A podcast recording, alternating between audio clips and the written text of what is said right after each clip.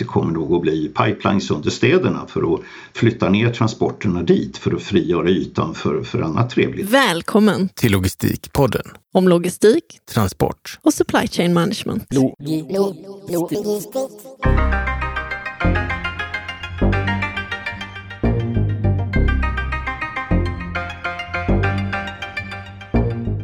Varmt välkommen till Logistikpodden där Pio idag har intervjuat Sten Wandel. Sten Wandel känner säkert många av er till. Han har forskat och arbetat inom logistik sedan 1966. Det innebär att han faktiskt kan reflektera över väldigt mycket som har hänt eh, de senaste årtiondena. Som en av Sveriges mesta och mest erfarna logistikforskare har han påverkat och influerat och drivit ämnet framåt sedan dess. Idag så är han entreprenör och vill bland annat att vi ska transportera mycket mer av vårt gods under marken i våra städer. Spännande avsnitt har du framför dig. Först ska vi säga hej till Excitec som ska berätta lite mer och ge oss tips och råd om trender och hur man ska tänka. Vi sitter än en gång tillsammans med Johan Kallblad, vd på eh, Excitec. Vi har ju tidigare fått höra om Excitecs eh, historik och var namnet kommer ifrån och hur det stavas. Inte minst, det hör du allt om i det första avsnittet. Förra gången fick vi veta lite mer om vilka typ av problem eh, Excitec löser för en komplex kund som till exempel Fonus. Det var otroligt intressant och eh, idag tänkte jag att vi skulle prata lite mer om eh, framtiden. Eh, välkommen tillbaka Johan. Tack så mycket. Ni har ju, eh, pratar vi om, ungefär 4 000 eh, kunder drygt. Och, om man då klurar lite på den branschen som ni är inne på, alltså IT-stöd och logistik och den kombinationen. Vad ser ni för trender eller vill ge för råd till de som är intresserade av att ta nästa kliv i det här området? Om man tittar på marknaden, eh, på marknaden brett, eller liksom den underliggande strömningen som som, som driver liksom efterfrågan hos oss så, så handlar allting om eh, automation egentligen. Det är från, ifrån den automationen som gör att man, eh, eh att man undviker liksom onödigt pappersarbete på, på backoffice liksom till, till kanske sån, sån automation. Ibland handlar det om att bygga bort beroenden till människor, alltså göra, beräkna liksom effektiva inköpsvolymer eh, eh och så vidare baserat på säsongsmönster och sånt där som, blir, som man kan lära sig på 25 års eh, liksom, hårt arbete men som, men som, eh, men som är svår, svår ersatt där, kunskapen kan sitta hos en person och så vidare. Så, så, men, men mycket automation, att, att få systemen att göra saker som gör att man själv kanske kan fokusera på kundvård eller, eller på kundupplevelse. Eh, då. Så det, det, är väl den underliggande saken. Men, men en sak, du frågade om ett råd. Jag, jag tycker när, jag, när vi pratar med, med kunder, jag önskar mig, om jag skulle få önska mig en sak, så var det att våra kunder och de som är intresserade funderade lite grann på vad är mitt mål egentligen? Det är inte självklart. Olika företag har olika mål. Några vill växa, några vill tjäna mer pengar, några vill ha en viss kund. Man vill olika saker och har olika bild av vad det innebär. Så kanske fundera lite mer på vad är mitt mål och lite mindre på eh, liksom vilket system jag tror att jag ska upphandla. För det, det kan komma lite grann senare. När det gäller då processer och eh, automatisering, är det några processer som du ser att man kanske inte tänker på i första eh, vändan, men som är väldigt, väldigt tacksamma att automatisera för att eh, det är så enkla vinster? Att man både ska, ska inte tänka på dem och, ja, vet du vad, jag tycker det, nästan den mest effektiva, om man, så som vi har gjort det i ungefär 10-15 år, jag tror, jag tror många, alla jobbar här, vi jagar ju papper på kontoren, det har vi gjort ganska länge och vi är väl nästan klara med det, tycker jag. Men inte riktigt så klara som man tror. Men man tittar på de, på de ställena, men de bra företagen, de effektiva företagen idag, där är det väldigt lite papper. Så det är den enkla första saken som man, som man letar efter. Var, var är det papper och var är det papper? För om det finns papper så finns det papper man inte hittar och papper som skrivs av och papper som skrivs av fel och så vidare. Så det, det är en, en, en plats att att leta på. Sen tycker jag, det handlar egentligen, men nu blir det tyvärr inte så, inte så enkelt alltid, men det handlar ofta om systemintegration mellan delar i systemen. Om du har ditt eh, liksom, om du har kundhanteringssystem eller e-handelssystem eller något liknande och så flödar inte informationen mellan komponenterna. Du kan ha ett ekonomisystem där du ser att kunden inte betalar men i andra ändan så skickar du ut nya produkter till samma kund ändå fast du vet att du inte kommer för att systemen inte hänger ihop. Så, så det är ofta, det är ofta, ofta där. Sen om det, det är inte alltid enkelt med integration. För tyvärr kan man, om man har för gamla komponenter så kan de vara väldigt, väldigt svåra att, att, få ihop då. Men det är väl ett sånt område. Det här är någonting vi har haft uppe i de andra två avsnitten också. Att er filosofi är inte att bygga one system to rule them all och sånt här gigantiska monolitsystem utan snarare att plocka ihop eh, olika system som då samverkar för att skapa det som, det som eh, era kunder behöver. Jag, jag brukar ofta återkomma till den här liknelsen att hur äter man en elefant? Eh, ja, inte i ett stycke utan man delar upp den i småbitar. Eh, men då blir, inför man en ny komplexitet såklart. Det, det, det är helt, jag tycker det, det, det, är helt riktigt så som du säger. Alltså svårigheten med det stora, jättestora systemet. Är, den ena svårigheten är att företag inte är precis likadana. Så att det stora systemet måste ha oerhört mycket parametersättning och oerhört mycket regler i sig för att, där du avgör och konfigurerar men hur exakt det blir. Då. Eh, och då blir de alltid väldigt stora. Det tar väldigt lång tid att, att införa dem. Eh, och när det tagit lång tid att införa dem så är det svårt också för, eh, för den projektgruppen som har infört, alltså verkligheten kan ha runnit ifrån det hela och sen väldigt ofta så är mottagaren sen när det ska ut till de många användarna hos kunden, då är de inte med på vad det är man har byggt egentligen. Så det, det blir ofta väl, men det tar lång tid och man tycker att de är svåra att använda. Eh, så även om idén är bra, jag vet inte ens om jag tycker idén är bra, men om jag tyckte att idén var bra så tycker jag sättet som det blir i verkligheten blir Eh, blir inte bra. Så, men det, det, är helt riktigt som du säger, jag tycker det, det, är två stora problem som när man väljer komponentbaserat, då, förutom det uppenbara att du kan välja dåliga komponenter. Eh, det, om man inte har kompetens i det. Men, men eh, det är också att få informationsflödet att fungera mellan dem och sen ansvarsfrågan efter leveransen. Så det, vi har ju designat vår leverans från andra änden. Den har, inte, den har inte börjat med en vilja att leverera ett visst system till alla våra kunder utan vi börjar med att designa det från supportsidan. Så hur ska användarupplevelsen vara? Jo, användaren vill inte höra att det är deras fel eller det är deras fel, utan de vill ta, lämna sitt ärende till någon som har ett helhetsansvar. Och sen lägger vi på integrationslagret och sen är det systemkomponenterna. Det är därför som jag gärna vill att kunden börjar med att säga vad är det vi ska uppnå egentligen och vad är viktigast först. Så tar vi ett samtal från det perspektivet och väljer vilka komponenter vi börjar med istället för att liksom börja med att upphandla ett budgetsystem för att man tror att det är svaret. Det kanske inte är budgetsystem. Du kanske behöver ett budgetsystem därför att du inte har koll på liksom, dina fakturaprocesser eller något sånt. Va? Så det, det kan, det, om man skjuter på mål för tidigt så kan, man, så kan man hamna lite snett tycker jag. Det där med tydliga mål är ju någonting som jag verkligen ser i utvecklingsprojekt eh, och det är ju superviktigt att ha koll på. Men när jag tänker också när du beskriver lite vad ni jobbar med så blir jag lite nyfiken också. Vad är det för eh, personalkategorier ni har eh, hos er? Är det... Vi började ju väldigt mycket, vi, vi har ganska mycket mer bredd än vad vi hade, än vad vi hade förr i tiden. Vi, jag själv har pluggat industriell ekonomi på Tekniska högskolan i Linköping. Eh, och vi tyckte att det var en alldeles utmärkt eh, utbildningsbakgrund. Så vi, vi hamnade med mycket folk, mycket civilingenjörer i industriell ekonomi eh, när vi började. Och det, det, tycker vi fortfarande om. Men, men det har väl blivit lite mer specialiserat. Vi har mycket glädje av civilekonomer till exempel som kan, eller folk som har revisionsbakgrund om man tittar på ekonomiska flödena. Eh, naturligtvis systemutveckling blir det på integrationssidan. Eh, vi försöker inte så bygga, bygga så mycket one-offs. Våra kunder gillar inte kostnaden som är förknippad med att bygga one-off-grejer utan vi försöker bygga för återanvändning. Så, så vi har väl, det är inte så systemutvecklingstungt men vi är säkert hundra systemutvecklare i bolaget.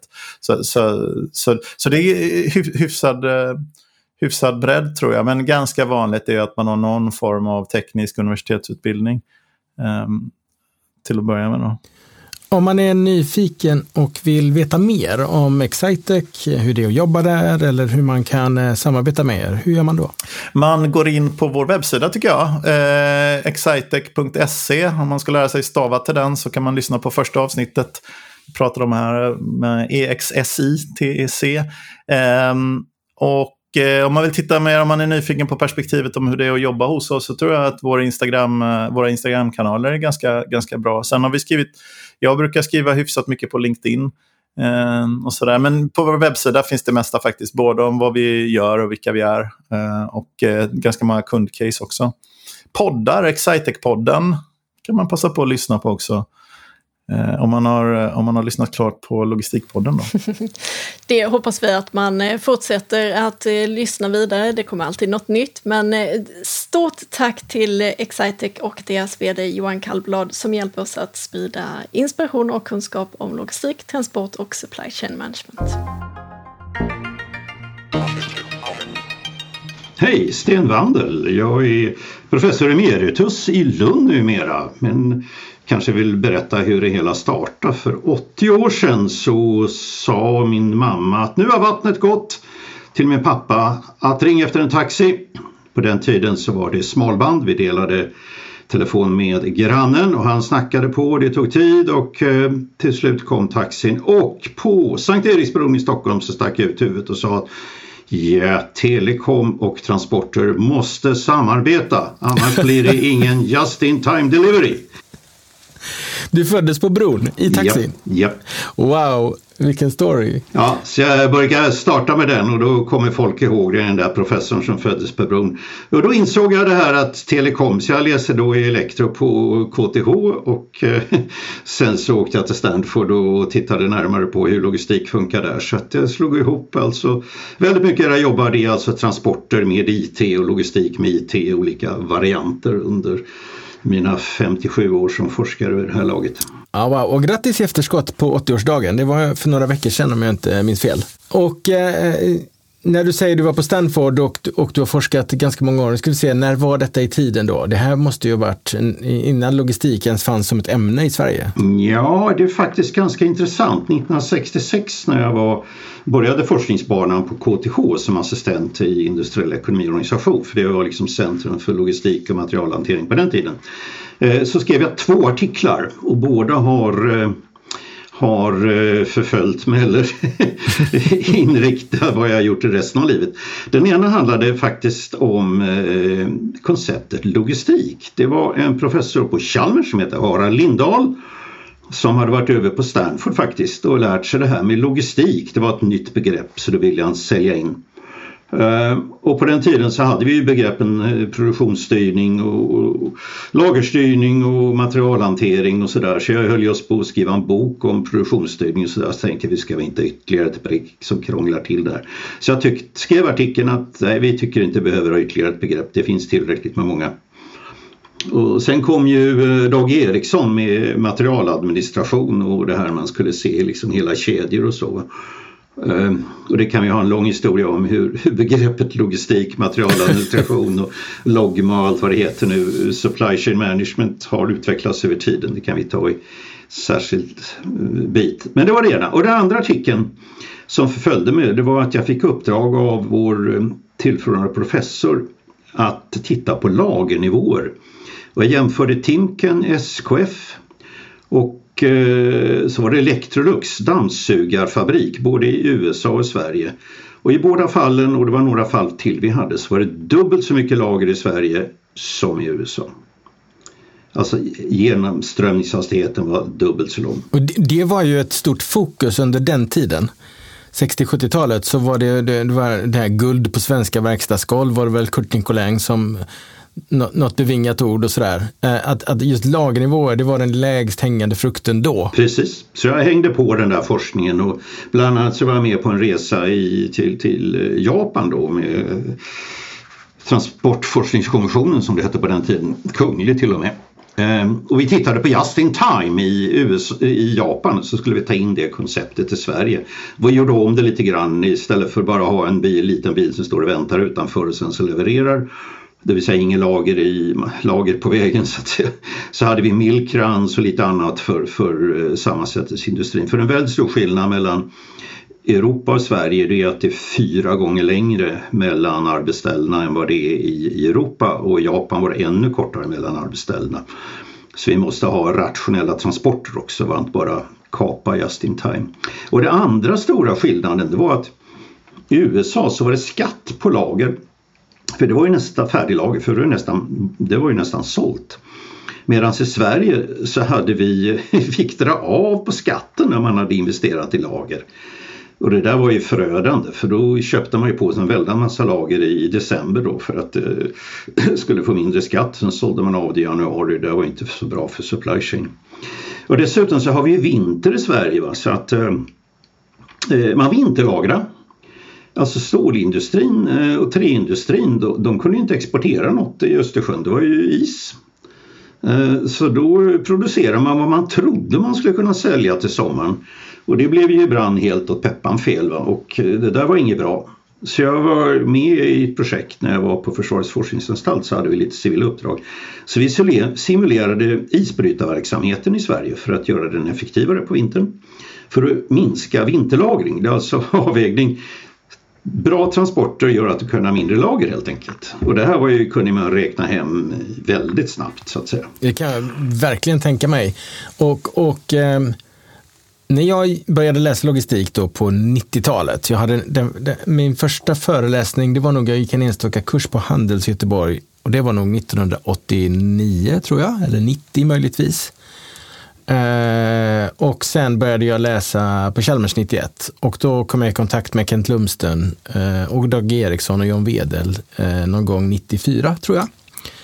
Och då var det just lager man pratade om. Man pratade om SKF och man pratade om eh, hur man kunde centralisera istället för att ha decentraliserade lager och det fanns formler man kunde räkna på det här. Eh, det lärs ju fortfarande ut. Eh, den typen av, alltså hur mycket kan man spara på att minska sina lager? Men det man ofta inte pratar om, det är ju att lager är bra att ha i vissa situationer. Ett lager ger ju dig handlingsfrihet och gör att du kan hantera osäkerheter i andra delar av ditt system och sådär. Under en period var det nästan en häxjakt, man skulle inte ha några lager alls. Eh, men jag tycker det är lite mer nyanserat idag. Det där. Ja, alltså det här med, med lager eh, ska ta en dimension till om vi nu jämför det. Japan hade då minst lager men samtidigt hade de en väldans massa steg mellan produktion till försäljning ända upp till 14 olika steg. Så även om det var effektivt i varje bit så var det nationalekonomiskt inte särskilt eh, små lager i, i Japan. Eh, sen så jag jämförelse mellan Sverige och, och, USA men sen fanns det ju en annan stor grupp av länder som hette planekonomier. Och där eh, gjorde man ju, eh, eh, GOS-plan gjorde ju planer varje kvartal vad varje industri skulle producera. Så den som gjorde vänsterdörrar hade 10 000 mer vänsterdörrar en månad än, än, än den som gjorde högerdörrar till bilindustrin. Och han som gjorde 10 000 för många han fick ju premium för det. Och det där var ju väldigt krånglig hopkoppling hur det där skulle funka. Så i öst så hade man alltså dubbelt så mycket lager som i väst. Så att eh, jag forskar på det här nere på IASA, International Institute for Applied Systems Analysis, hade jag ett sådant projekt. Eh, och där vi hade då eh, team i, eh, alltså JASA, sån öst-västforskning, enda stället som forskare från öst fick prata med varandra. Det var ju USA på ena sidan och Sovjet på andra sidan och 25 procent av personalen var ju KGB och CIA så det var ju lite en kul ställe. Eh, dubbla inkomsten, ingen skatt, det var ju faktiskt ganska bra också. Eh, men så där hade vi team i öst som tittade på det här, vad kan vi lära oss av väst? Och sen så var de i väst, vad kan vi lära oss av öst när det gäller logistik? Och det var eh, seriöst faktiskt, vi gjorde ju ordentliga studier över hur det funkar. Jag kan inte berätta alla detaljer men eh, där till exempel hade man statistik på hur ofta industriföretag stod stilla beroende på att det var brist på, på insatsvaror. Eh, och det förekom ju inte i, i väst och de tyckte det var väldigt konstigt att vi inte hade sån statistik för vi liksom måste jämföra. Och på ett ställe, det var i eh, ska vi se, Bulgarien, tror jag det var, ja, just det. Där samlades alla logistikansvariga på företagen i, i stan på fredagarna och sen så tittar man hur mycket de olika, vad hade de i insatsvaror för någonting och så bytte man med varandra. Man fick ju inte handla med varandra utan man bytte saker fysiskt. Helt illegalt. Och så kunde man köra nästa vecka också. Eh, ungrarna hade en, en smart sätt. De låg ju längst fram i planekonomibiten, hade lärt sig en del ifrån väst. Bland annat det här med ERP-system där man då matar in prognoser och man ska pro, eh, pro, producera och så bryter man ner då vad det är för grejer och så köper man in och sådär. Det finns ju på alla företag, och har funnits i 50 år. Eh, och de köpte in dem och så körde de baklänges. För de visste att allt de producerade gick att sälja. Det var ju pris eh, fasta priser på allting så det var alltid en lång efterfrågan och jättemånga kunder som väntade. På en bil kunde man ju vänta tio år och sådär och telefon fem och så.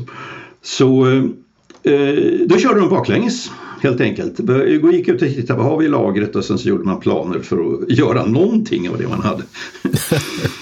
Men det där var ganska kul så vi eh, i Polen till exempel så eh, pratade med vice transportministern hade presentation höll på med och vad logistik var för något. Och, det är intressant det här med logistik. Har, du kommit på det själv? Så kunskapen om logistik var noll på östra järnridån. Sam, samtidigt, om man ska ta en lite mer filosofisk liksom, eh, eh, om logistik just grundkonceptet i logistik. Jag har ofta när jag har föreläst förklarat eh, grundidéerna i logistik genom att be folk tänka på en McDonalds-restaurang. Och allt som händer i den, eller allt som händer i ett kök när man ska laga en middag. Eh, och olika flöden av olika ingredienser ska produceras och bli till mat och du har bara en ugn och fyra plattor och du behöver ibland pola resurser och allt sånt där. Och när folk inser att ja, det är det det handlar om, fast i stor industriell skala. Då, då, då går det upp ett litet ljus för de flesta. Att det, det är inte så krångligt egentligen, men det blir ju komplicerat och komplext när man skalar upp det såklart. Om vi tar matlogistik så har jag ju på senare år, framförallt under pandemin, försökt att förstå matlogistik lite bättre. Och frågan är ju lite grann, var ska man lagra maten? Hemma? Om det blir krig så är det ju bra att ha några veckor hemma så man kan överleva. Eller i butiken som det var en gång i tiden när jag bodde i Österrike. Där hade man ju inte kylskåp utan man gick ner och handlade sin mjölk varje dag istället. Eller eh, ska man ha det längre upstream så att säga. Eh, eller dams eh, upstream så att säga och kalla fram det bara när, när man behöver. Och eh, sen gjorde ett experiment eh, några eh, månader och kvartal under pandemin och se hur mycket kunde jag bunkra hemma och överleva. Jag var uppe i 96 dagar och då fyllde jag bilen med 32 kassar.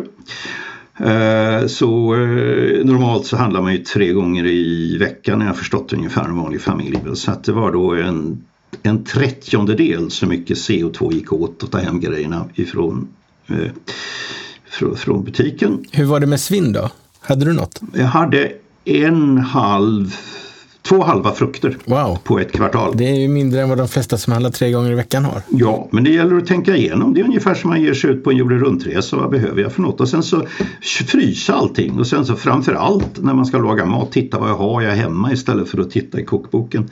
Det blir inte så roligt på sikt va? men eh, det var ett sätt att överleva i alla fall. Det testade jag idag och det, det här var ett tips från Amer Mohammed som tidigare varit med i podden.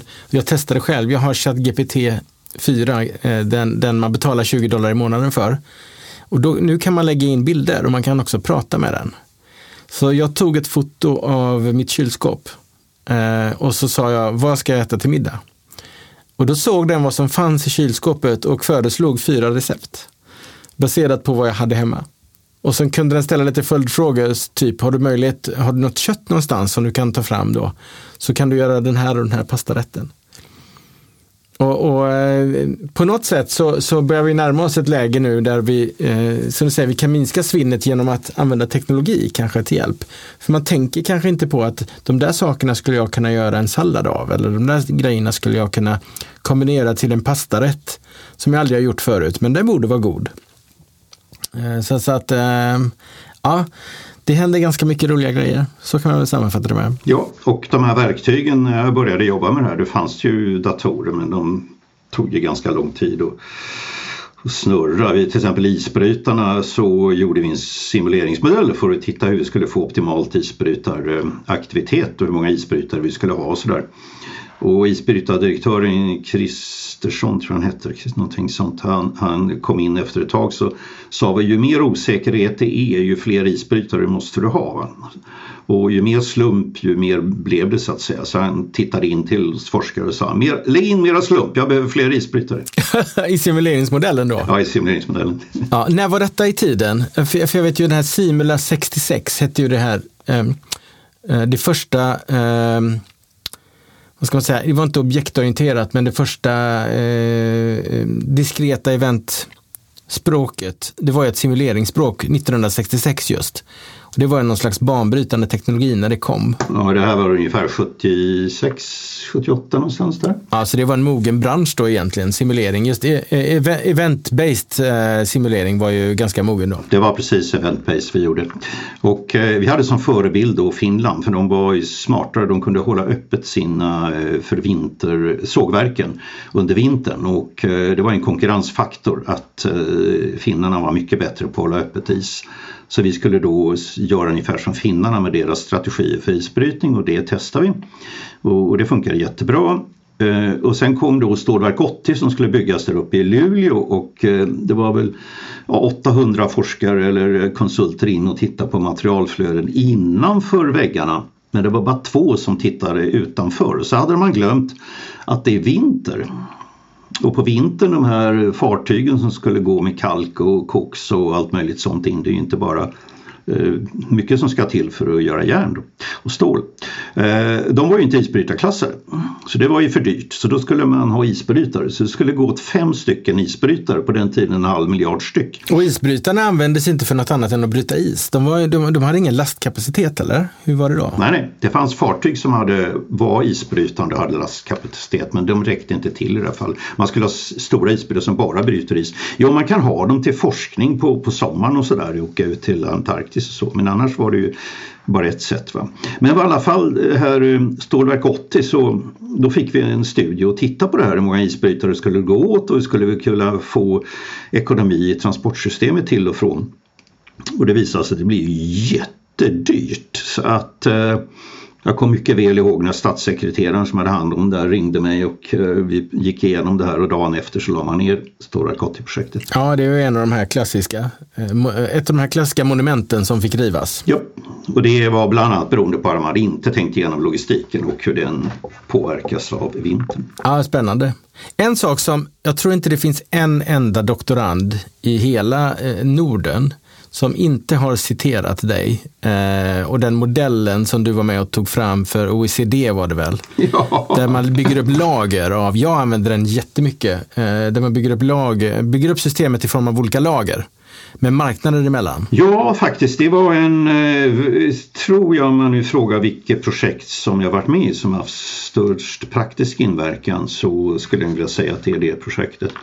Eh, det blev en bok av det, Advancements of Logistics 1992. Eh, OECD, föregångaren till ITF som det heter numera.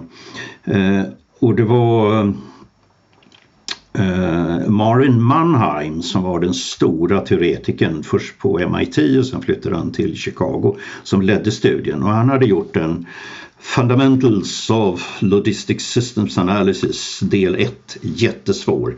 Eh, både jag och Lars Sjöstedt satte den här i händerna på doktoranderna och de fasade över den. Den var krånglig, mycket matematik och abstrakt tänk.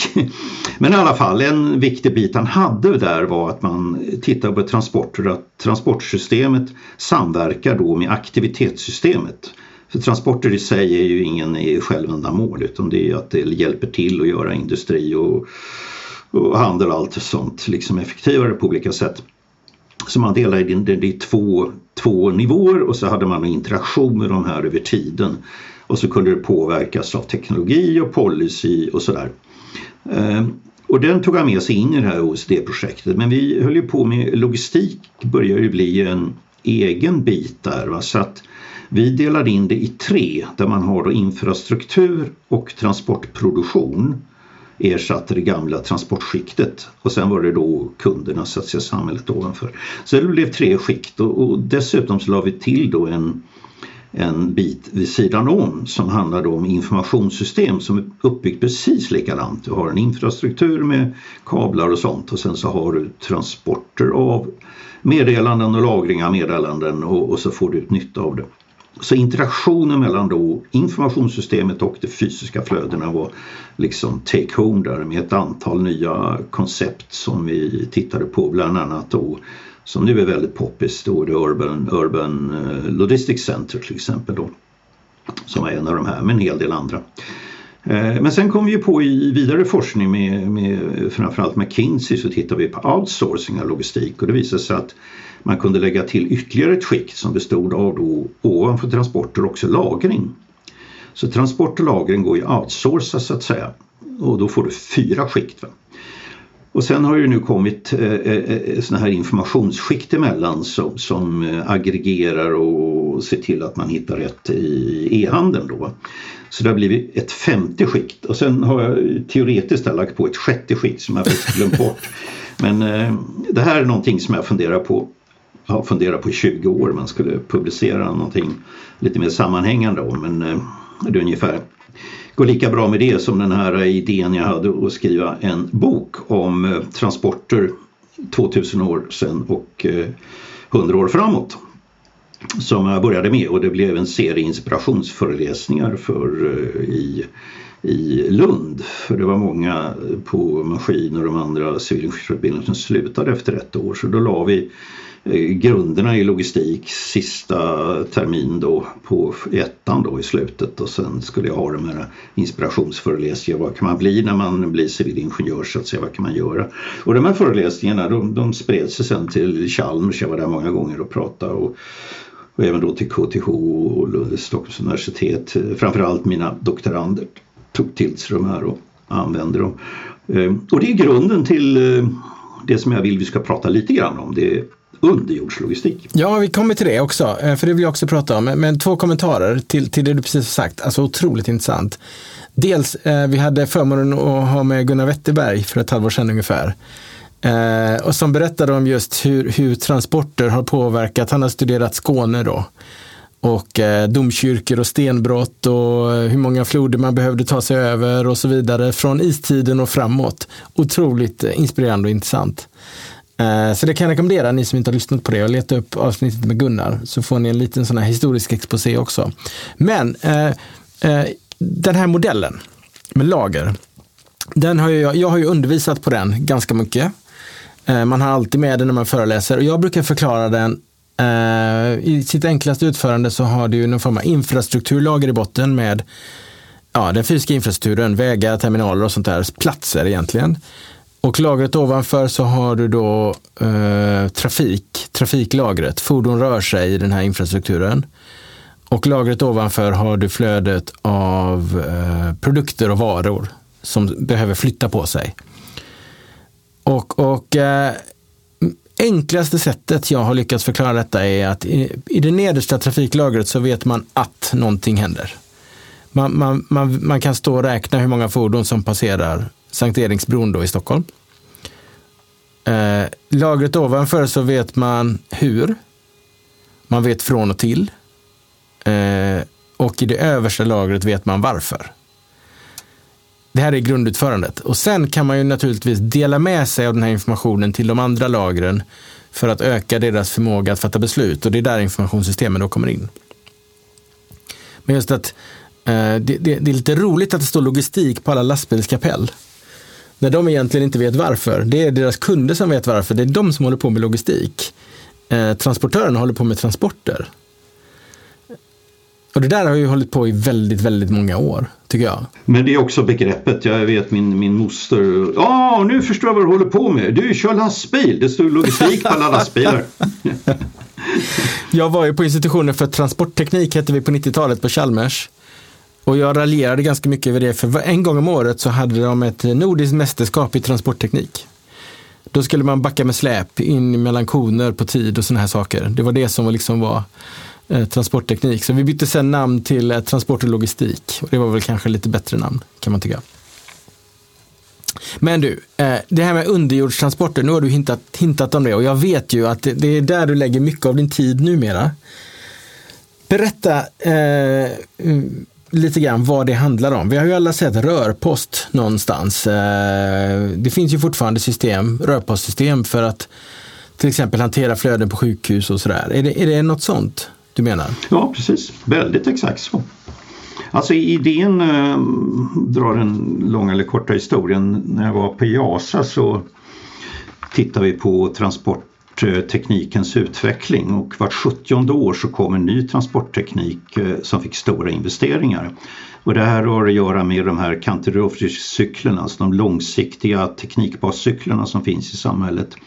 Alltså industrialiseringen är ju en typisk sån med eh, att man har maskiner som gör jobbet istället för hantverk. Och, nu är vi inne i, digitaliserings cykeln så att säga. Och just nu under den här perioden så har man ju förutsagt när man byter så att säga teknikbas i samhället ifrån hand, handskrivna grejer eller ja, icke digitalt till digitalt då, så, så, så blir det en eh, frustration och, och mycket investeringar som går åt till att skrota det gamla och investera i det nya. Så var ju samma sak med industrialismen. Men det har också varit så med transporter då, alltifrån då kanaler till järnväg, eh, bil, eh, ska säga, vägar och eh, automatisering av vägar då med, med, med eh, bilar. Och sen så flyg. Och det var väl eh, bra mer än 70 år sedan det var flyget som hade började ta marknadsandelar på 20-talet. Transport mellan städer. Lastbilarna kom ju också på 20-talet. De fanns ju faktiskt inte innan. I alla fall inte i Sverige. De uppfanns ju 1899 tror jag, men det var ju först på 20, 100 år sedan som man såg att den här S-kurvan började ta fart. Ja, så lastbilar i kombination med järnväg Tidigare var det häst och vagn kan man säga ifrån, ifrån stationerna och sen när man införde lastbilen där så kunde man faktiskt se i statistik att man fick en BNP-tillväxt och en lagerminskning i samhället, en ordentlig effektivisering för man kunde göra transporterna effektivare. Så det är en sån här intressant eh, konklusion. Det, det, berättade Gunnar Wetterberg då som har studerat detta att, att det var då svenska staten gick in och tog över ägandeskapet av stora delar av vägnätet. Det var alltså efter 20-talet när de insåg den strategiska betydelsen av att ha fungerande väginfrastruktur. Och slutet av 1800-talet så gick man in och tog ansvar för alla järnvägsnuttar som inte hängde ihop. Så att eh, det här med infrastruktur har, har ju någon betydelse. Och det började vi fundera på när jag var på Piasa då på eh, 60-70-talet eh, att eh, 76 och framåt 78 att eh, efter det här så, så kommer antagligen då magnetsvävande tåg. Och det har ju kommit också, eh, för det är en ny teknik. Men om man då sätter de här i ett rör så, så blir det mindre friktion ifrån och pumpar ur luften så blir det mindre friktion ifrån från eh, luften som går och det har ju blivit då stora rörposten som man kallar det för, alltså hyperloop som ju är hypat för att skicka passagerare i samma hastighet som, som flygplan. Då. Folk tror ju att Elon Musk har uppfunnit detta. Han gav det ju bara ett namn. Det, det, det är ju hundra år gammal teknologi vi pratar om. Till stora delar. Eh, men, men, han paketerade det och helt plötsligt frågar man folk på stan, vem har uppfunnit Hyperloop? Ja, men det är Elon Musk, säger de. Och det är det ju såklart inte. Han kom på namnet Hype, Hyper, han, han gjorde, han hypade upp det. Men eh, i alla fall. Eh, och sen så om man nu börjar titta lite grann, eh, så jag skrev min första artikeln eh, när vi höll på med Öresundsbron. Där vi tyckte det skulle vara nolltaxa på Öresundsbron vilket det inte sen blev av politiska skäl men rent ekonomiskt borde det varit så. Eh, då skrev jag en, eh, blev intervjuad just om vad som kommer efter detta. Ja, då tyckte jag då att det kommer nog att bli pipelines under städerna för att flytta ner transporterna dit för att frigöra ytan för, för annat trevligt på ytan. Och den idén kommer faktiskt ifrån eh, min professorskollega på Tokyo University, Kushi han var med när vi skrev den här boken om eh, med OECD och han hade då en skiss på en underjordstunnelbana, alltså en tunnelbana för gods. För på den tiden och fortfarande är det säkert så att på natten så var 90% av alla transporter i Tokyo på gatorna var lastbilar. Och på dagen var det 55% medan alla människor var fösta ner i eh, kapslar som åkte under jord. Och det här har då kopierats eh, 20-tal gånger man har försökt göra det här men eh, de har dött de projekten utom Cargo Souterrain i Schweiz där man ska binda ihop eh, 5-6 städer med rörpost och kommer ganska långt faktiskt och det är ganska inga hastigheter alls. Det är AGV som finns i industrin som går på gummihjul som går 30 km i timmen. Men mycket effektivt och sen hissar upp då till. Men sen på senare år så har det kommit då förutom då att vi började titta på mina gamla doktorander och jag som nu är professorer att förr eller senare så, så, kommer de på att kunna göra det här ekonomiskt genom att då minska storleken på rören. För att eh, kostnaden är proportionell mot diametern i kvadrat i stort sett. Så kan vi minska ifrån från 3 meter till 30 centimeter så är det en faktor 100 i kostnad ungefär. Va? Så kan vi göra rör som är 30 centimeter. Och det finns 15 centimeters rör på sjukhus. En gång i tiden var det ännu mindre, kanske 10 centimeters rör som eh, skickade post mellan postkontor i 44 städer. Funkade jättebra. Sen kom internet och då skulle man skicka paket och de fick inte plats. Och så kom ju bilen som man var effektivare och skickade små små eh, postbilar istället runt omkring. Men nu skulle man kunna återinföra en eh, kapselpipeline som både klarar den gammaldags posten, alla paket som är under 30 cm, alla sopor. Idag finns det ju sopsug som är en variant av rörpost fast inte av kapslar utan bara man, man kastar ner påsarna. Stoppar vi påsen istället i en kapsel så får du en mycket mycket bättre sopsug som inte fastnar och man kan skicka glas och allt möjligt. Och sen kan du alla andra grejer som du åker runt med din bil och hämtar hit och dit och, och sådär. Så ungefär 45 procent av alla biltrippar är för att man ska hämta någon pryl, inte för att transportera sig själv.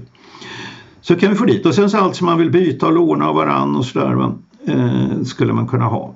Så vi räknar lite på det där och det är jättelönsamt. Man kan betala tillbaka allting på under ett år i minskade kostnader.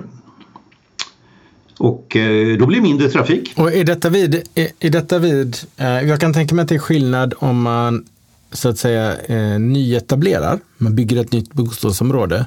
Då, då ser man till, för det läggs ju kulvertar ändå, att då, då bygger man ett sånt här system.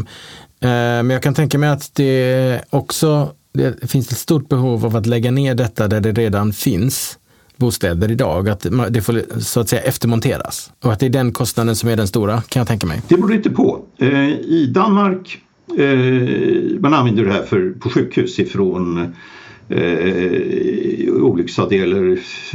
När man kommer in på sjukhuset så vill man veta vad, vad är det för bakterier du har fått i dig, är det livsfarligt eller inte. Så då tar man ju prover och så skickar man till labb och så får man eh, snabbt svar därifrån och så skickar man lämplig medicin upp till dig som sitter där och väntar i bästa fall. Och eh, då hade man två, ett sjukhus med två, två byggnader som var 2,3 kilometer ifrån varandra i Danmark. Varav den ena hade labb men inte den andra. Och då eh, la man ner ett rör på tre dagar genom horisontell eh, borrning under trottoaren i sanden. Så borrar man först och sen så tryckte man in en, en pipe.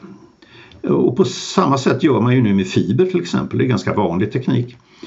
Och eh, det här med att borra horisontellt, vi har ju Boring Company till exempel, Elon Musks, han gör ju det.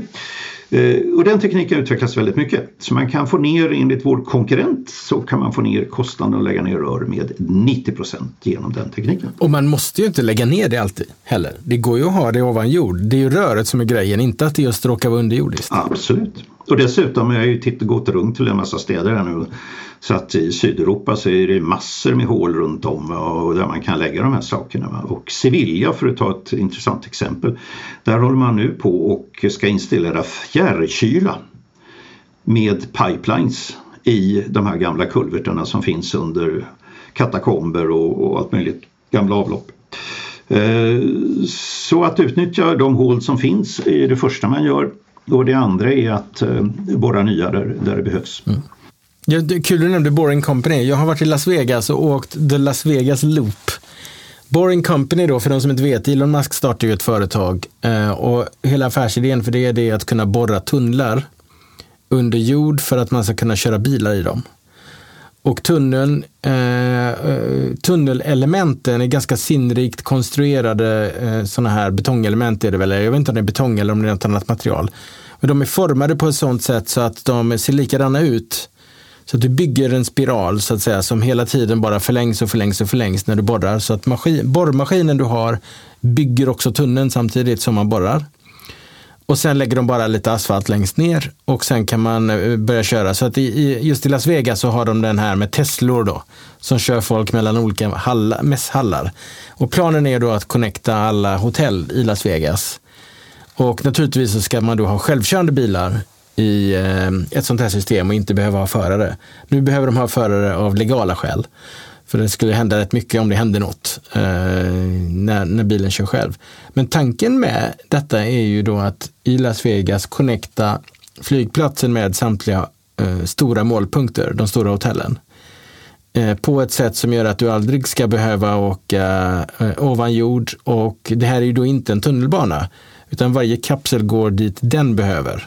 Så man behöver liksom inte batcha ihop och åka med för det är ju ett det, det är ett ganska industriellt tänk att alla måste åka samma tåg. Det är som kollektivtrafikerna säger att man, vi tar oss från där du inte är till dit du inte vill.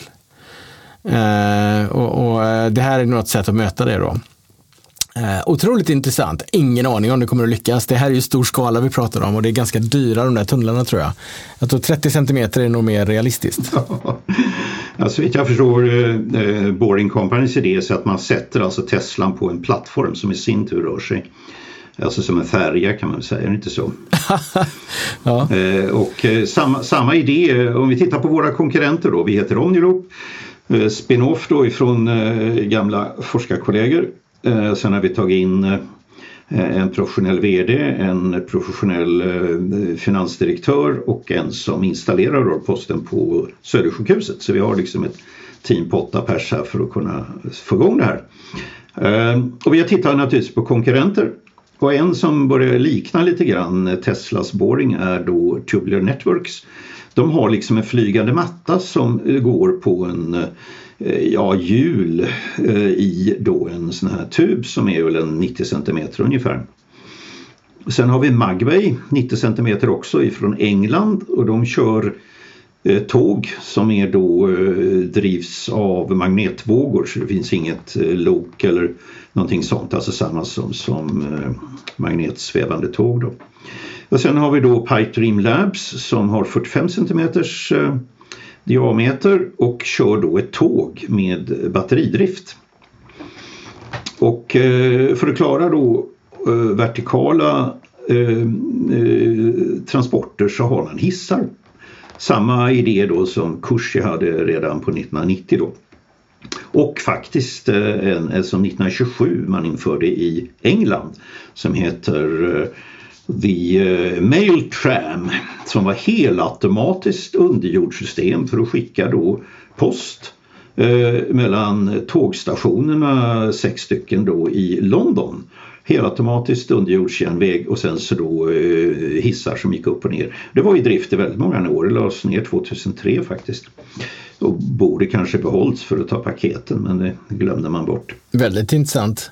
Det vet jag, Kent Lumsten han sa alltid det, att, att det är de vertikala förflyttningarna som är de dyra. Ja, och i och med att vi använder pneumatik så är det ju då tryckluft.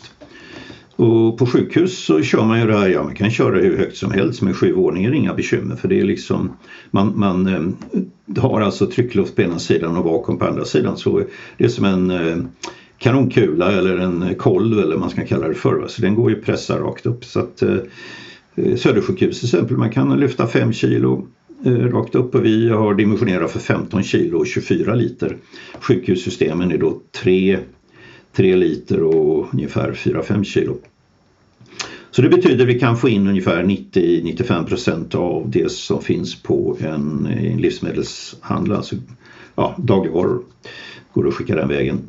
Och eh, dimensionerar så vi får gott och väl in en skokartong va? så att man inte ska behöva ta ur skorna och lägga dem efter varandra. Hur, hur ser ni att ett, eh, ett villaområde eh, till exempel då, skulle man ha, skulle gathörnet vara en hubb?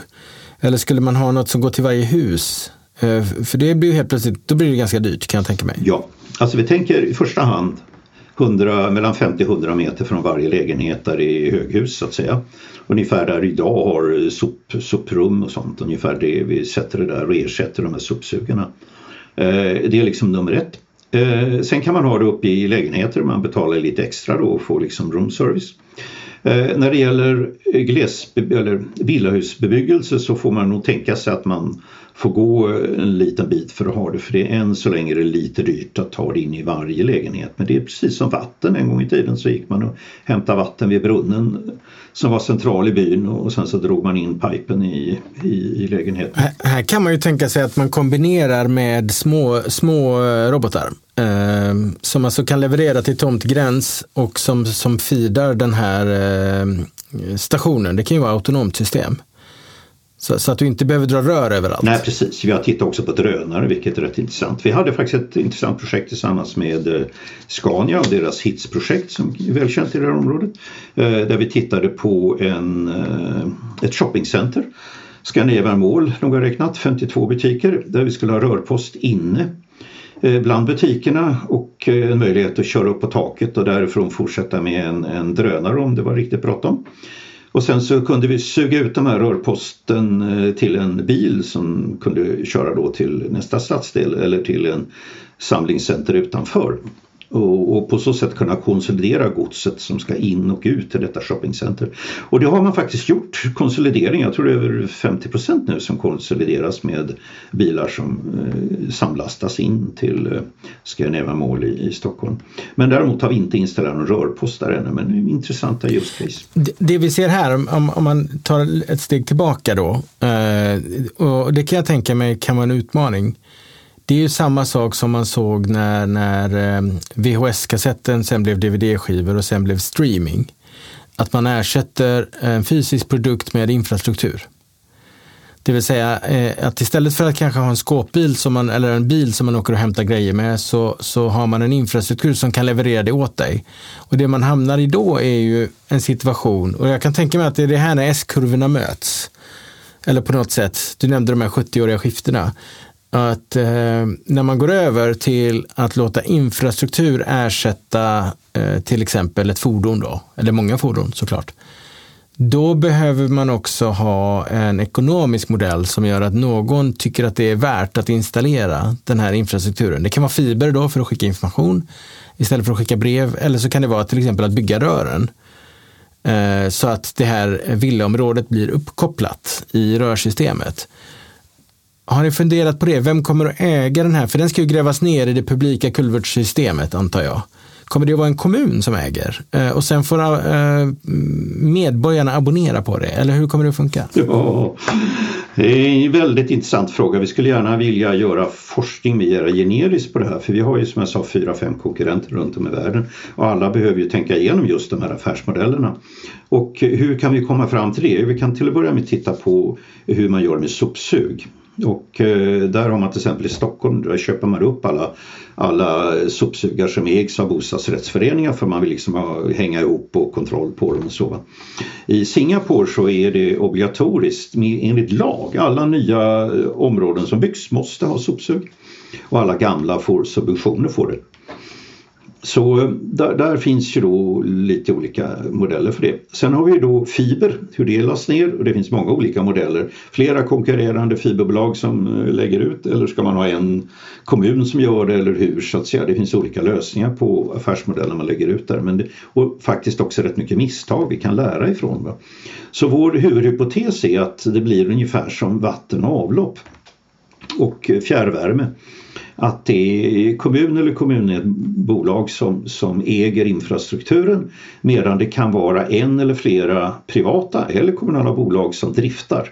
Ungefär som man har SL och, och eh, Västtrafik och så, att det är en som äger eh, järnvägen och bussarna och kanske en annan som äger eh, bussarna och, och, tågen och en tredje då som opererar. Och sen betalar man per kapsel då som konsument så, så betalar du en accessavgift och sen en transaktionsavgift då? Till exempel, vi, vi, tror att vi har räknat, vi, vi har gjort naturligtvis forskat på de här grejerna så vi har en, gjort en enkät och en hundra stycken ungefär, eh, ganska representativt eh, medborgarna. Vad kommer du använda den här till om det finns på jobbet? Och hemma. Och jobbet finns ju väldans massa intressanta use eh, case. Och nästa fråga hur mycket du vill betala per månad för att få då, eh, låt oss säga, eh, sju transporter per dag gratis. Och du kan lagra, vilket vi inte pratar pratat om. Men den stora innovationen är ju egentligen att man kan ju då parkera de här kapslarna i rören och kunna lagra till ett otroligt billigt pris i olika temperaturer och få access därifrån utan någon mänsklig människa blandas in i det. Så det betyder att du kan i princip ha alltså automatiska eh, butiker under stan och man behöver inte ha garderober hemma eller frys eller kyl och sådär. Så att det är en eh, extra bit. Va? Så då får man då, precis som i internet, att man kan betala för molnlagring så får man då fritt antal molnlagringsdagar då per kap kapseldagar under den här månaden. Jag ser, jag ser ju kyllagring som ett givet eh, och jag, jag ser vinkällare as a service. Alltså vilken grej perfekt lagrade viner så beställer du hem det du vill ha. Alltså vi har gjort en liten bok av alla de här intervjuerna. Vad kan man ha det här till? Och en av de här eh, eh damerna här nu har då imponerat på sina vänner med eh, middagsbjudning att eh, kunna välja tusen olika viner istället, bara, istället för 20 stycken i sin egen källare genom att ha en vinklubb. Och då kan man då i början av middagen var och en kan beställa sig sin egen vinflaska om man så vill då från det här sortimentet och så kommer det levererat upp till bordet inom tre minuter. Så om man ser det här som en plattform, jag har ännu inte träffat ett startup som inte vill bli en plattform. Ja, det här är ju inget undantag då. Eh, man ser det som en plattform. Ser ni då att när plattformen, det vill säga infrastrukturen finns, förmågan att skicka kapslar som är designade på rätt sätt finns. Det kanske till och med är så att kapslarna hyrs ut av den som äger eh, infrastrukturen, ungefär som en SJ-pall eller en, en Europa-pall, att den ägs av någon och så använder man den så länge man behöver. Ser ni då det här ekosystemet som kan byggas upp av entreprenörer som ett slags app store där, där, där, där ni släpper in till exempel den här vinbutiken då, eller lokala restaurangen släpps in i systemet och där är en intäktskälla från dem och sen har man en intäktskälla från deras kunder som då beställer grejer. Absolut. Också. Det är därför jag har den här sex, sexnivåmodellen. Så jag liksom försöker använda den gamla treskiktsmodellen på det här området så då blir det sex, sex olika nivåer. Och där det finns då eh, betalningsvilja på alla de här sex nivåerna på olika sätt och olika sätt att koordinera sig. Så det är, eh, ja, det är som internet, det visste man inte riktigt vilka ekosystem som kommer när man börjar och det är samma sak här, att man har en plattform och möjlighet att skicka grejer. Och det intressanta är när man väl har investerat så kostnaden, marginalkostnaden att blåsa iväg ett rör, eh, en kapsel är ju väldigt, väldigt liten. Ehm, så att eh, jag kan tänka mig att man kan ganska snabbt konkurrera ut en hel del andra överjordssystem eh, om det väl finns på plats upp till kapaciteten har, har tagit slut. Men kapaciteten om vi tittar på 15, eh, om vi tar 36 km i timmen som man kör på sjukhus så har man då de här som är inte, inte diktan men man har då en kapsel emellan, det är en luftkudde emellan och så kör man dem i, i den hastigheten och eh, 15 i varje kilo varje motsvarar 11 stycken filer med personbilar som kör också en kapsel varsin i bagageutrymmet. Så alltså en pipeline på 30 cm kan ersätta i vissa fall 11 parallella filer med bilar. Eh, eh, det är lite äh, coolt. Är det, är det en vettig metafor att tänka skidlift? För att förstå liksom, eh, hur, hur, hur tanken med systemet är. Att du har en stor lift som kan ta fyra personer var, sex, var, var, var 90 sekund eller var, var 15 sekund. Och att du har någon slags baskapacitet. Och sen kan du, ju, ju fler personer du fyller på med, desto större nytta producerar ju det här systemet då per tidsenhet? Ja, alltså all, man kan ju säga, ja det kan man ju säga, en skidlift det, ju, eh, det kan man ju tänka sig att man har rör då som, som går den här hastigheten. Eh, sen, sen, sen är frågan vilken hastighet man kan få upp. Alltså om vi i, eh, i eh, Christchurch finns en restaurang som, som kör mat ifrån köket till borden med rörpost. Och, och de hävdar att de kör 180 km i timmen. Och räknar man lite grann på det så tror jag man kan köra 360 på raksträckorna. Men eh, man måste också kunna bromsa in i kurvorna för annars blir det bara mos och allting. Då. Ja, det, det är accelerationerna och retardationerna som är problemet. Det är ju inte konstant hastighet. Nej, det är framförallt eh, centrifugalkrafterna som är problemet. Vad händer med din semla liksom? På väg mellan konditoriet och din, din, din brevlåda? Så, så eh, vad, vad, vi har gjort är i princip att vi har då de här 50 intervjuerna har blivit en massa use case och de har ställt krav på hur systemet ska designas. Och så har vi designat systemet. Och så tittar vad finns att köpa på marknaden. Och det som inte finns att köpa på marknaden har vi då eh, sökt ett jättestort patent med eh, 38 claims, alltså uppfinningar om man så får uttrycka det, och 49 sidor. Vi ville slå Amazons grundpatent som var på 39 sidor och 12 eh, claims. Va? Så att, eh, och vi dockar naturligtvis in i Amazons eh, ekosystem för att kunna få det funka för de har ju hela det här hur man då varifrån man hämtar sina varor som man har beställt för, och där kan man ju ha multipla lagerställen och hur man då hanterar det där. Det är vad deras grundpatent går ut på. De är ju typiskt en sån plattformsaktör som borde vara intresserad av sånt här. Ja, har vår konkurrent Eh, kan vi berätta lite grann om. Det är eh, största konkurrenten heter då Pipedream Labs. Ungefär lika gamla som vi men har eh, betydligt bättre kassa. Han som, eller det gäng som gjorde en app för att leverera whisky, öl, marijuana och sådär 24-7 till lägenheter i USA och Kanada jag tror den heter Grizzly, eh, såldes, sålde de till eh, Uberit för 1,2 miljarder dollar och de pengarna pumpas nu in i vår konkurrent. Och eh, deras, eh, de har ju precis som vi gjort då en mockup kan man säga då av den magiska lådan i köket där allting hämtas och skickas och man skickar tvätt och sådär. Och sen så har du en hiss ner och sen så har du tåget som kör då. Eh, och de har ju haft eh, eh, han eh, Bezos över och titta på det där. Och vi ställde ut vår legomodell över det här. Vi gjorde en legomodell av staden och ställde ut på TRA i, i Lissabon och där hade vi EU-kommissionens toppar som tittade på det och sa att ja men det här är jätteintressant alltså. Det här måste ni bygga en fullskalig demonstrator av. Här är fem olika EU-paket eh, eller forskningsprogram som kan hjälpa er. Så vi är nu djupt involverade i flera av de här EU-programmen och för att då bygga en sån här demonstrator i en stad här i Sydsverige och sen så har vi en ny stadsdel eh, gamla travbanan eh, Jägersro i Malmö som räkneobjekt där vi tittar på hur det skulle kunna se ut och lägga ner rören och tillsammans med andra rör och vad är det för kost och benefit och hur ska man dela på det här. Så att eh, vi rullar på. Man, man ska inte underskatta geopolitiska dimensionen här. EU har precis släppt en lista över teknologier som behöver skyddas Eh, och behållas i Europa och know-how som måste behållas i Europa.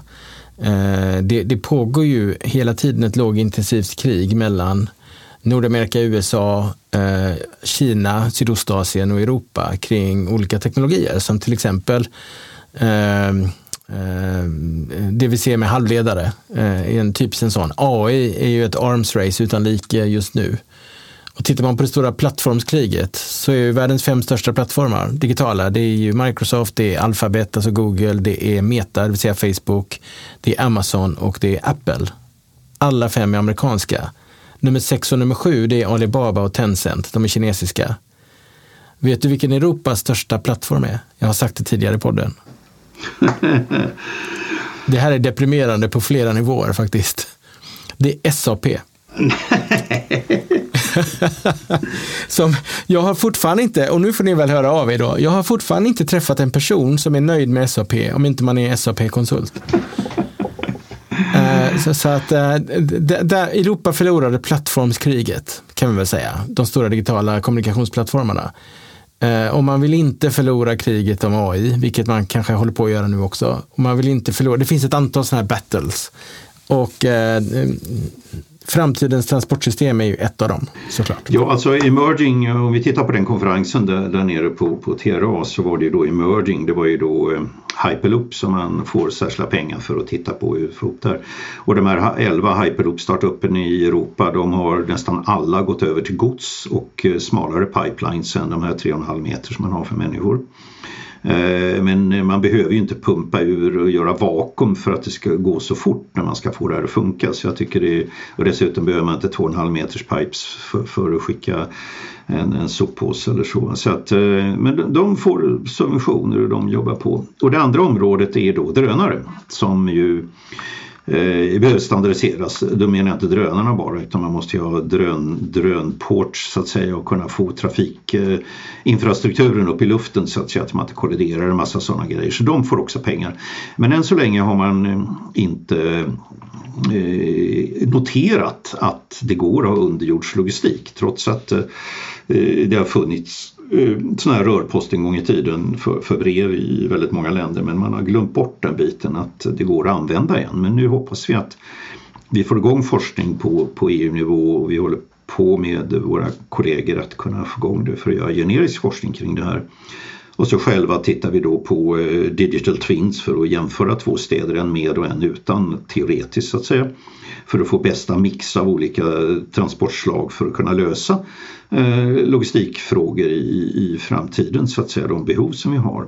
Och sen ska vi, håller vi på att göra en demonstrator och den första demonstratorn vi gör är ifrån en eh, närbutik som också är utlämningsställe för e-handel till, en, till ett kök och sen bygger vi på det här med olika funktionaliteter så vi sen ersätter de här paketboxarna vilket är poppis. Vi kan göra precis samma sak fast tar hela lagringen under jord och sen så ett rör ut till utanför stan. Och sen kan man också ha mellanstäder om man så vill.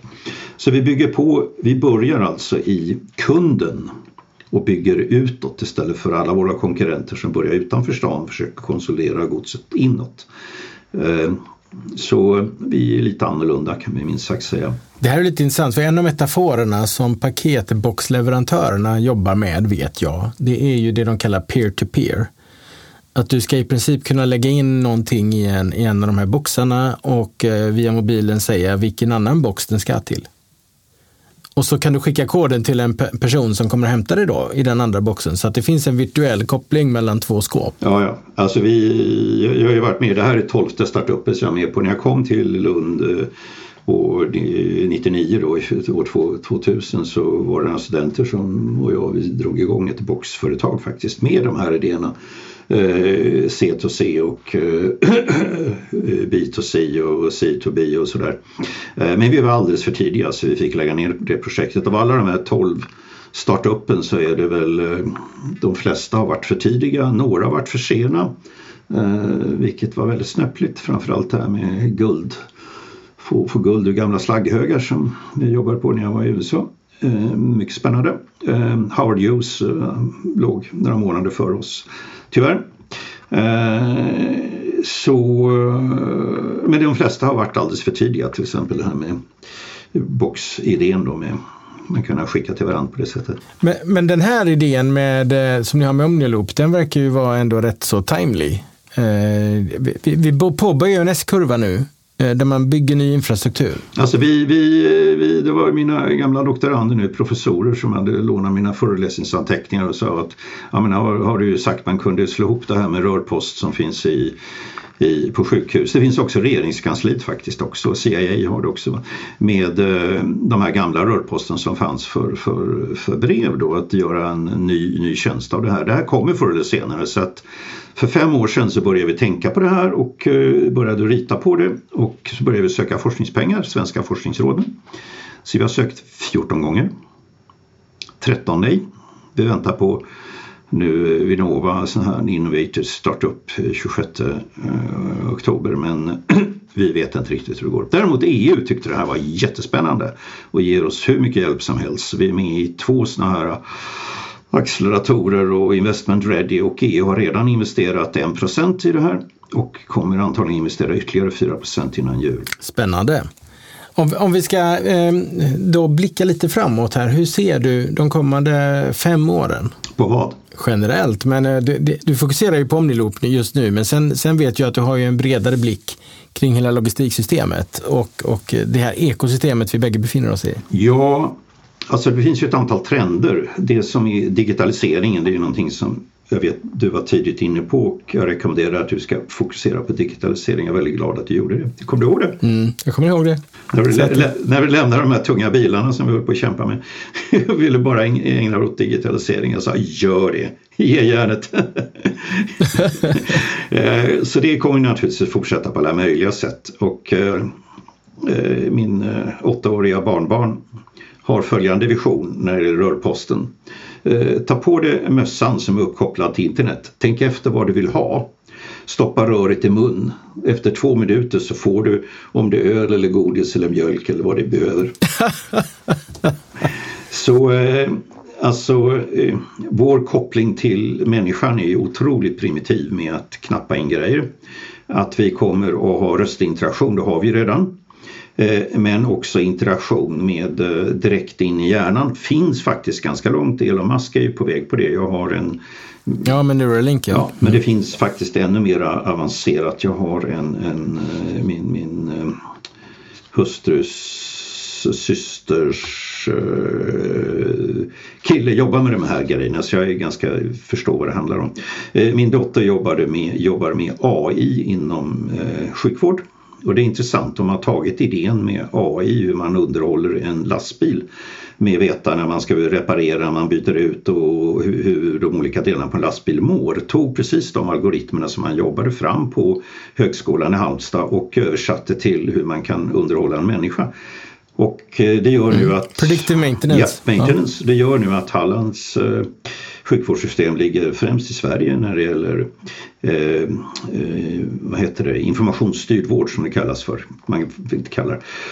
Så min dotter bytte ifrån högskolan och hjälpa forskarna med den där och nu upphandlar då forskning inom just AI för att göra sjukvården bättre. Otroligt mycket som går att göra med artificiell intelligens och kombination. Så det, det kommer ju att bestå. Det kommer att bli, som jag sa, då, olika sätt att hantera men framförallt olika sensorer, interaktion med människan och interaktion med, med de olika grejerna. Bara vår lilla rörpost, vi, vi har ju då en ett, inte bara en streckkod utan vi gör naturligtvis exportminne med, med två radioapparater, eh, två, två, två datorer och åtta sensorer och eh, har också ett patent faktiskt på artificiell intelligens för att ja, förstå vad händer med den här kapseln när den åker runt så att säga och gör olika varningar när man gör hit och dit. Va? Så det är ju en väldigt bestående bit. Jag kan se det lite grann, nu, nu tolkar jag fritt, men det är bekvämlighet som tjänst egentligen. Det är det man köper. Eh, och, och bekvämlighet kan man få olika dyrt. Det kan vara extremt eh, ohållbart att göra det bekvämt för någon. Typ hem till dörren leveranser med eh, mopedbud. Det är inte jättehållbart, till exempel de här 10 minuters leveranserna. Så att jag ser ju liksom en, en, en önskvärd samhällsriktning, det är ju att såklart göra det så bekvämt som möjligt för så många som möjligt med så låg resursförbrukning som möjligt och så effektivt som möjligt. Och det, det ser jag att det här är ett uttryck för. Att man på något sätt lyckas göra det så att man får individuellt anpassade tjänster så att man inte behöver Motsatsen är ju planekonomin. Alla ska ha göra samma eh, egentligen då. Men att inte göra det på bekostnad av en massa resurser. Som då är det normala sättet att göra det på. Så det tycker jag är, är en rätt cool eh, framtidsvision faktiskt. Eh, våra, våra två största konkurrenter då, eh, eh Pipedream Labs och Triple Networks, båda från Texas faktiskt. Eh, de har tillsammans myntat begreppet, det kan ni var och en titta och läsa på, heter Hyperlogistics. Och vad är Hyperlogistics? Jo, det är att du kan få allt du behöver hem eller till jobbet eller vad det kan vara inom 10 minuter det som är mest frekvent inom två minuter. Det betyder att man behöver inte äga någonting i och med att man kan få sitt behov tillfredsställelse på en gång. Man pratar om det här med 15 minuters staden. Så istället för att människan åker omkring med, med på moped eller, eller, eller ja, cykel, elcykel eller, eller tar tunnelbanan eller någonting, public transport till någon butik och hämtar saker och sen så åker tillbaka så låter man objekten komma till människan. Och det är inte bara objekt som vi behöver, det är de som vi behöver bli av med och det är de som vi behöver cirkulera runt. Eh, till exempel man har sin egen eh, eh schampoflaska som, som man åker på påfyllning eller någonting sånt eller vinkällan vad vi nu pratar om. Och de cirkulära flödena är ju jättesvårt att få till idag. Men om du kan skicka och ta emot till noll kostnad i stort sett ifrån ditt eget kök och dessutom den här eh, kapseln är ju faktiskt en förpackning så, så, så kan du eh, påskynda den biten och förlänga livslängden på produkter och förpackningar högst avsevärt. Så då får du ju en nytta förutom att du får grejerna snabbare till dig utan mopedbud som kostar en massa eh, resurser. Så tanken är att eh, rörpost ska vara lika tillgänglig för alla invånare oavsett inkomst och vad de har för, för bakgrund eller så enkelt skött så vem som helst kan använda det. Och det är naturligtvis en del utmaningar för att få det att funka. Jag kommer ju definitivt att hoppa på det tidigt när det blir tillgängligt i mitt villaområde där jag bor. Eh, stort, stort tack Sten för att du har förgyllt oss en timme i Logistikpodden. Tack för att jag fick vara med och eh, jag har, sett, jag har lyssnat på alla de här logistikpoddar som ni har haft hittills och jag har faktiskt lärt mig väldigt mycket och eh, hoppas få fortsätta under nästa år och njuta av logistikpotten och förkovra mig vad som händer. Stort tack, stort tack, välkommen!